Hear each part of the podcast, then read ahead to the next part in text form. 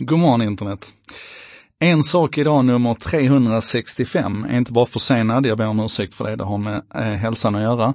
Eh, jag ska också be om ursäkt för att den kommer att bli lång, för det kommer att handla om Facebooks oversight board, alltså stadgarna som man har släppt nu för eh, Facebooks högsta domstol får vi väl kalla det. Och jag börjar med ett citat. Mark Zuckerberg själv säger så här.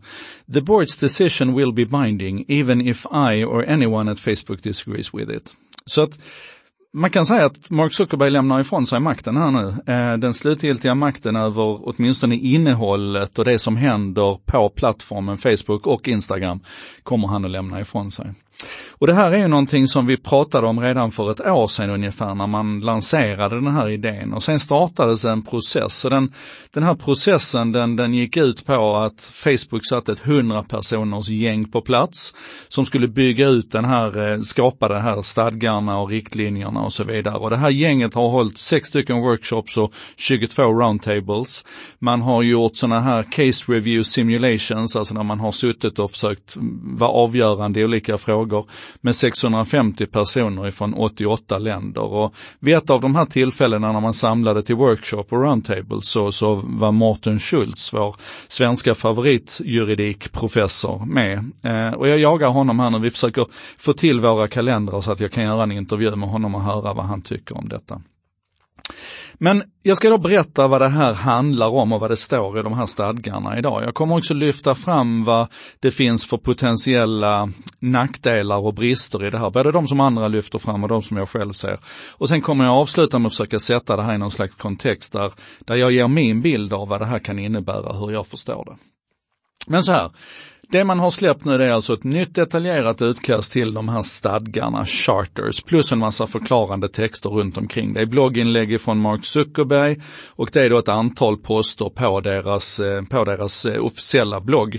Eh, där man bland annat kan gå in i detalj och titta på hur processen ska se ut när man tillsätter de här medlemmarna i det här, i det här rådet och så. Och högsta domstolen är naturligtvis en, en hård dragning. Va? Det, det är klart att Facebook inte tillsätter en domstol domstol, men det är ett råd som ska övervaka hur Facebook sköter sig och gå in och döma kan vi väl säga i frågor som handlar om innehållet. Va? Om man har plockat bort någonting som man inte borde plocka bort, om man har stämplat en sida som en, en terrorsida när den inte borde vara det. Så både sånt man plockar bort och sånt man inte plockar bort kommer liksom att kunna finnas med här. Och det är Community Standards som är lagboken och jag säger igen, har ni inte läst dem och inte tittat på dem så bör vi gå in och göra det. För här är liksom förklaringen till väldigt mycket av varför Facebook gör som de gör i olika sammanhang. Den här, det här högsta, högsta domstolen, jag kommer fortsätta kalla den för det, ni får bear with me. Den kommer alltså avgöra överklaganden och så kommer den att sätta prejudikat. Den kommer också föreslå ändringar som ska in i community standards. Så att om man till exempel sitter med ett fall där man inte tycker att man får tillräckligt stöd i community standards eller där man tycker att kanske det som står i community standards inte stämmer överens med allmänna rättsuppfattningen och så vidare. Då ska man liksom kunna påverka CS. Så det här bygger alltså på överklaganden av innehåll som har tagits bort eller som inte har tagits bort, sidor som klassas mot, som brott mot CS och så vidare. Jag kan nämna här också, jag har suttit i några sådana här workshops tidigare, eh, Facebookledda, där man har liksom fått ta på sig den här hatten av att avgöra, ska det här få stå kvar eller ska det här inte stå kvar? Och att liksom både tänka på det som man själv tycker är rätt och sant och riktigt och rimligt och basera det på det regelverket som faktiskt finns i Community Standards. Det är jäkligt tufft. Men utöver överklagande och så, så kommer Facebook också själv kunna gå till det här rådet, till den här högsta domstolen och säga vi behöver hjälp med det här, hur ska vi agera? Och det definierar man då som especially urgent cases with real world consequences, alltså man kan ta den här situationen i Myanmar som ett exempel, att när, när, när det börjar liksom bli fara för liv och lem på riktigt, eh, då kan man gå till, till högsta domstolen och få hjälp med hur ska vi hantera det här. Rent praktiskt så kommer Facebook att tillsätta de första medlemmarna och sen så kommer medlemmarna själva att välja in resten av de som ska sitta i det här rådet. Man börjar med 11 personer, man siktar på 40 och man börjar utse folk i år och meningen är att man ska vara klar andra halvan 2020, alltså nästa år redan. Och då ska, eh, förlåt, första halvan 2020. Och då ska alltså det här rådet, högsta domstolen, då ska den börja agera de som sitter där kommer att få en, en ersättning för det. Man betraktar det som ett deltidsjobb att sitta där. Eh, och man kommer att sitta tre år. Eh, man kommer att väljas för tre år åt gången och sen kommer man att kunna göra tre sådana omgångar så att säga. Så totalt kan man sitta i högsta domstolen här i nio år. Eh, och man ser naturligtvis till att man inte byter alla på en gång och så utan att valen liksom ligger, eh, inte stafflade utan vad heter det, ja fördelade i tid helt enkelt.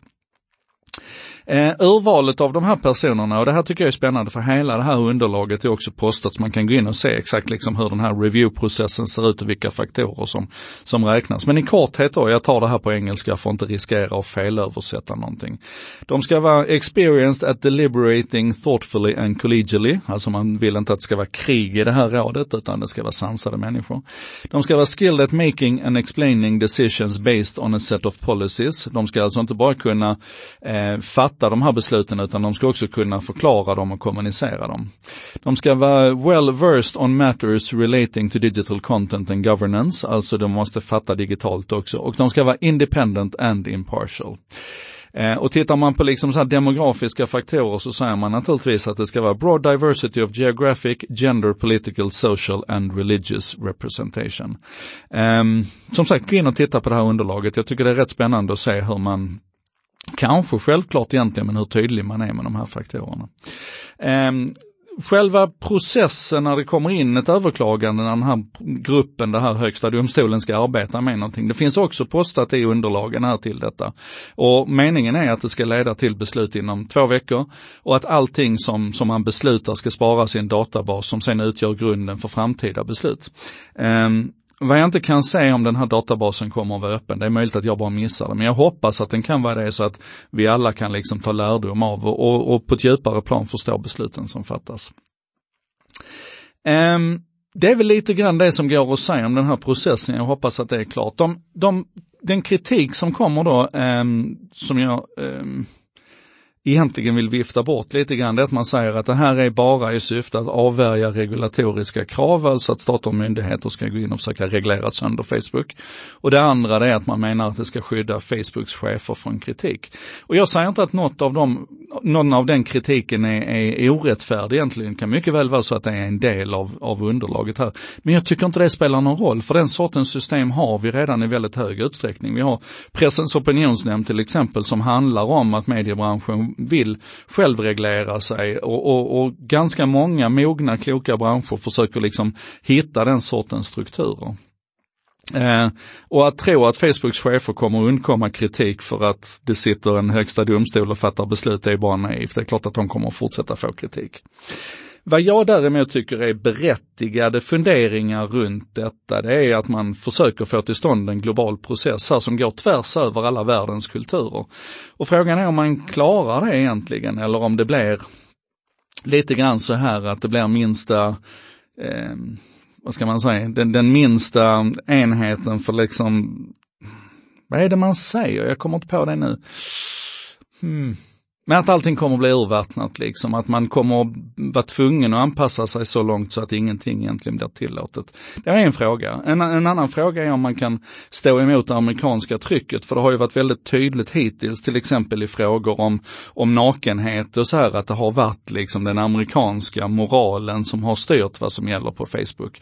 Här i Sverige är vi ju mycket öppnare med sånt och, och Ja, det här, det här är en klurighet. Va? Eh, man säger också, eller Facebook har i alla fall alltid sagt sagt att de besluten som man fattar, och det säger man här nu också, att de får inte lov att strida mot lagen. Men, men vilken lag då? Alltså vilken jurisdiktion är det som ska välja, gälla?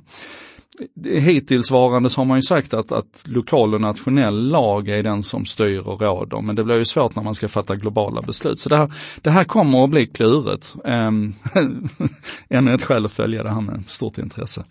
Ehm, och den sista kritiken kanske som, som är spännande här och som jag håller med om det är att det är fortfarande så att Facebook som i hög utsträckning avgör hur de här besluten i förlängningen ska implementeras. Så det är klart att om, om högsta domstolen tittar på ett fall och säger att, jag kanske inte ska kalla det för högsta domstolen, vi kallar det för rådet istället. Om det här rådet tittar på ett fall och säger att det här innehållet, det ska plockas bort eller det här innehållet skulle inte plockats bort, det ska tillbaka igen. Då är ju meningen att, att Facebook ska försöka uppfatta det här inte bara som ett enskilt fall utan läsa den större betydelsen av det här och implementera det. Och då säger man att man kommer att titta på eh, significance versus difficulty. Alltså hur, hur viktigt är det här beslutet för Facebooks community standards eller för plattformen i övrigt så här relativt hur svårt är det att implementera det här? Hur svårt är det att liksom ta det här enskilda beslutet och paketera det i någonting som kan bli allmängiltigt? Alltså att ta ett enskilt avgörande och föra in det i lagboken helt enkelt.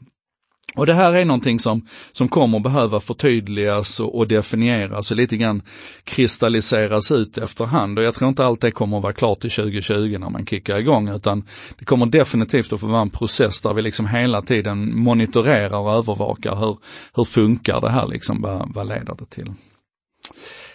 Um,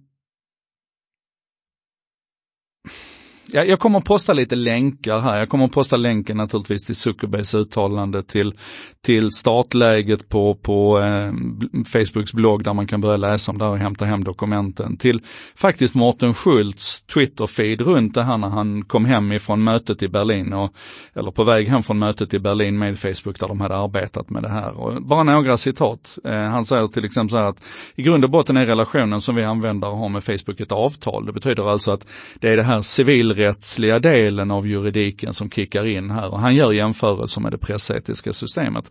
Han säger också att det här är det mest omfattande tvistelösningssystemet av detta slag i mänsklighetens historia. Och det är ju lite grann signifikant för Facebook. Allting man gör är ju liksom in, i en sån skala av sån omfattning att det blir liksom det största, det första, det mäktigaste. Så. Um, och sen slår han fast också att de här människorna som var på det här mötet, det var definitivt inte en grupp med Facebook cheerleaders, utan det verkar som man har en intention här att verkligen liksom försöka försöka få med kritikerna också. Allt annat vore ju hjärndött. Åtminstone de kritikerna som likt Martin Schultz har liksom huvudet påskruvat och, och försöker vara kloka i det här. Okej, okay. min take då, vad säger jag om detta? Um, hmm, så här, mm, jag har tycker jag själv i alla fall, studerat så pass mycket av och om Mark Zuckerberg att jag faktiskt tror på hans intentioner här. Eh, inte bara för att jag tror på människans godhet överhuvudtaget så här, utan för att om man tittar på hans situation, han behöver inte bli rikare, han behöver inte mer, han behöver liksom inte bli mäktigare. Han, vi har till exempel sett hur han i många av sina beslut här på senare tid verkar vända sig snarare in mot familjen och sina barn och liksom försöka förstå vad det är för värld han bygger för dem. Han är rätt långt ifrån den här college-killen som, som startade FaceMash en gång i tiden, tycker jag då. Det, det är vad jag ser och vad jag läser av honom. Och, och, och, bara en sån sak som att, att liksom slå fast att han behöver inte bli rikare, det, det tror jag är centralt för, för att försöka förstå varför han gör det här. Ett annat skäl som jag tror är centralt till att försöka förstå varför han gör det här, det är att han nog har insett att det är nära nog omöjligt och, och, definitivt inte önskvärt för en enskild person att sitta och avgöra de här frågorna som Facebook har att, hantera. Det har liksom, det har blivit större än, än enskildheten. Så jag tror så om jag ska sammanfatta det i, i två punkter, så tror jag att, att, face, att, att Zuckerberg vill på riktigt att Facebook ska göra gott för mänskligheten. Och då är det ju klart att för att de ska kunna göra det så krävs det ju fortsatt finansiell styrka och sådär. Alltså jag menar det här är ju inget, det är ju inget ideell verksamhet rakt av, utan man kommer ju fortsätta försöka tjäna pengar och, och, och vara ett, ett välmående bolag. Men jag tror då att det går att kombinera, det som man pratar om social impact och så. Jag tror att det går att kombinera med en, en högre vision om att faktiskt göra världen till en bättre plats. Och sen är det ju nog så här att han har tröttnat lite grann på att hålla på och, och släcka de här bränderna och, och, och, och, ta det ansvaret för frågor som jag sa, som är jävligt svåra för en enskild människa att behöva ansvara för. Så att han vill lämna över det, på riktigt lämna över det till någon annan, så att han kan fokusera framåt. Och jag tycker att jag, jag ser en antydan till det här också och har pratat om det när vi diskuterade Libra till exempel. Facebook-initiativet att tillsammans med hundra andra parter försöka etablera en, en global digital valuta se det lite grann som en, en om, om, om, man skulle starta Facebook idag, alltså lite grann Zuckerbergs idé om en omstart. Va? Det är en helt annan process, det är massor med stakeholders inblandade, det är en långsamhet i det, man försöker se till att compliance funkar, att man har, att man har viktiga, viktiga parter med sig i det här. Och bara en sån sak som att man väljer att, att lägga det i hemvisten i Schweiz istället för i USA för att undkomma lite grann påtryckningarna ifrån just nu då det konservativa USA till exempel och lägga det i mer ett neutralt land för att man vill att det här ska bli en bra grej på riktigt. Eh, så, så jag ser liksom hur Facebooks oversight board hänger ihop med, med Libra som koncept och så här att man, man försöker göra någonting som är större än det, det enskilda bolaget. Okej, okay, för att avrunda den här, hur länge har jag hållit på? Eh, Oj, en kvart redan. För att avrunda det här då skulle jag säga så att jag brukar försöka uppmuntra er att fundera på någonting. I det här fallet så vill jag nog uppmuntra till att studera först. Alltså läsa igenom de här förslagen och inte omedelbart recensera eller kritisera utan försöka fundera på om, om du hade varit världens rikaste man, om du hade varit Mark Zuckerberg, och du kanske då är en, en god människa som försöker hjälpa dina medmänniskor, du, du, ja, du är med så här hur hade du agerat? Hur hade det här, hur rimmar det här med idén om en slags god vision för världen? Eh, jag har min tolkning klar. Jag har funderat mycket på detta, jag har läst allting som går att läsa, jag har diskuterat det med kloka kamrater. Jag har min tolkning klar. Och det var de två punkterna jag sa om Zuckerberg och hans intentioner med detta. Nu tycker jag att du ska göra din tolkning. Och som en liten side-note här på slutet, det här var alltså avsnitt 365. Det betyder att om du är nytillkommen lyssnare, tittare på en sak idag så har du alltså ett helt år att gotta ner dig i. Och det är ju bra, för, för nu kickar jag igång arbetet här med, mot avsnitt 730, alltså det, det andra året kan vi säga. Jag vill då passa på att tacka alla er som, som hänger på här i konversationer och diskussioner och delar det här och sprider det här och, och lyssnar till slutet. Jag är helt chockad när jag tittar på min poddstatistik till exempel, att, att alla lyssnar till slutet, ofta mer än 100 procent, för jag ser att ni spolar tillbaka och, och lyssnar om och sådär. Tusen tack för det engagemanget och, och då vill jag också passa på att be om ursäkt för en, en svag sommar på grund av operationer och en svag höstinledning här nu. Men nu, nu jäklar, nu kör vi för det händer så mycket saker. Och på det temat så kanske jag ska prata om eh, Edward Snowdens eh, Edward Snowdens bok som han släppte igår eh, och som jag lyssnade på i natt. Ehm, vi får se om det blir den imorgon eller om det blir något helt annat. För det har hänt jättespännande saker också där en AI efter 500 miljoner iterationer helt plötsligt började bygga verktyg och ja, det är så jäkla mycket som händer. Gud vilken spännande tid vi lever i. Tack för att ni är med mig på en sak idag. Vi ses imorgon igen.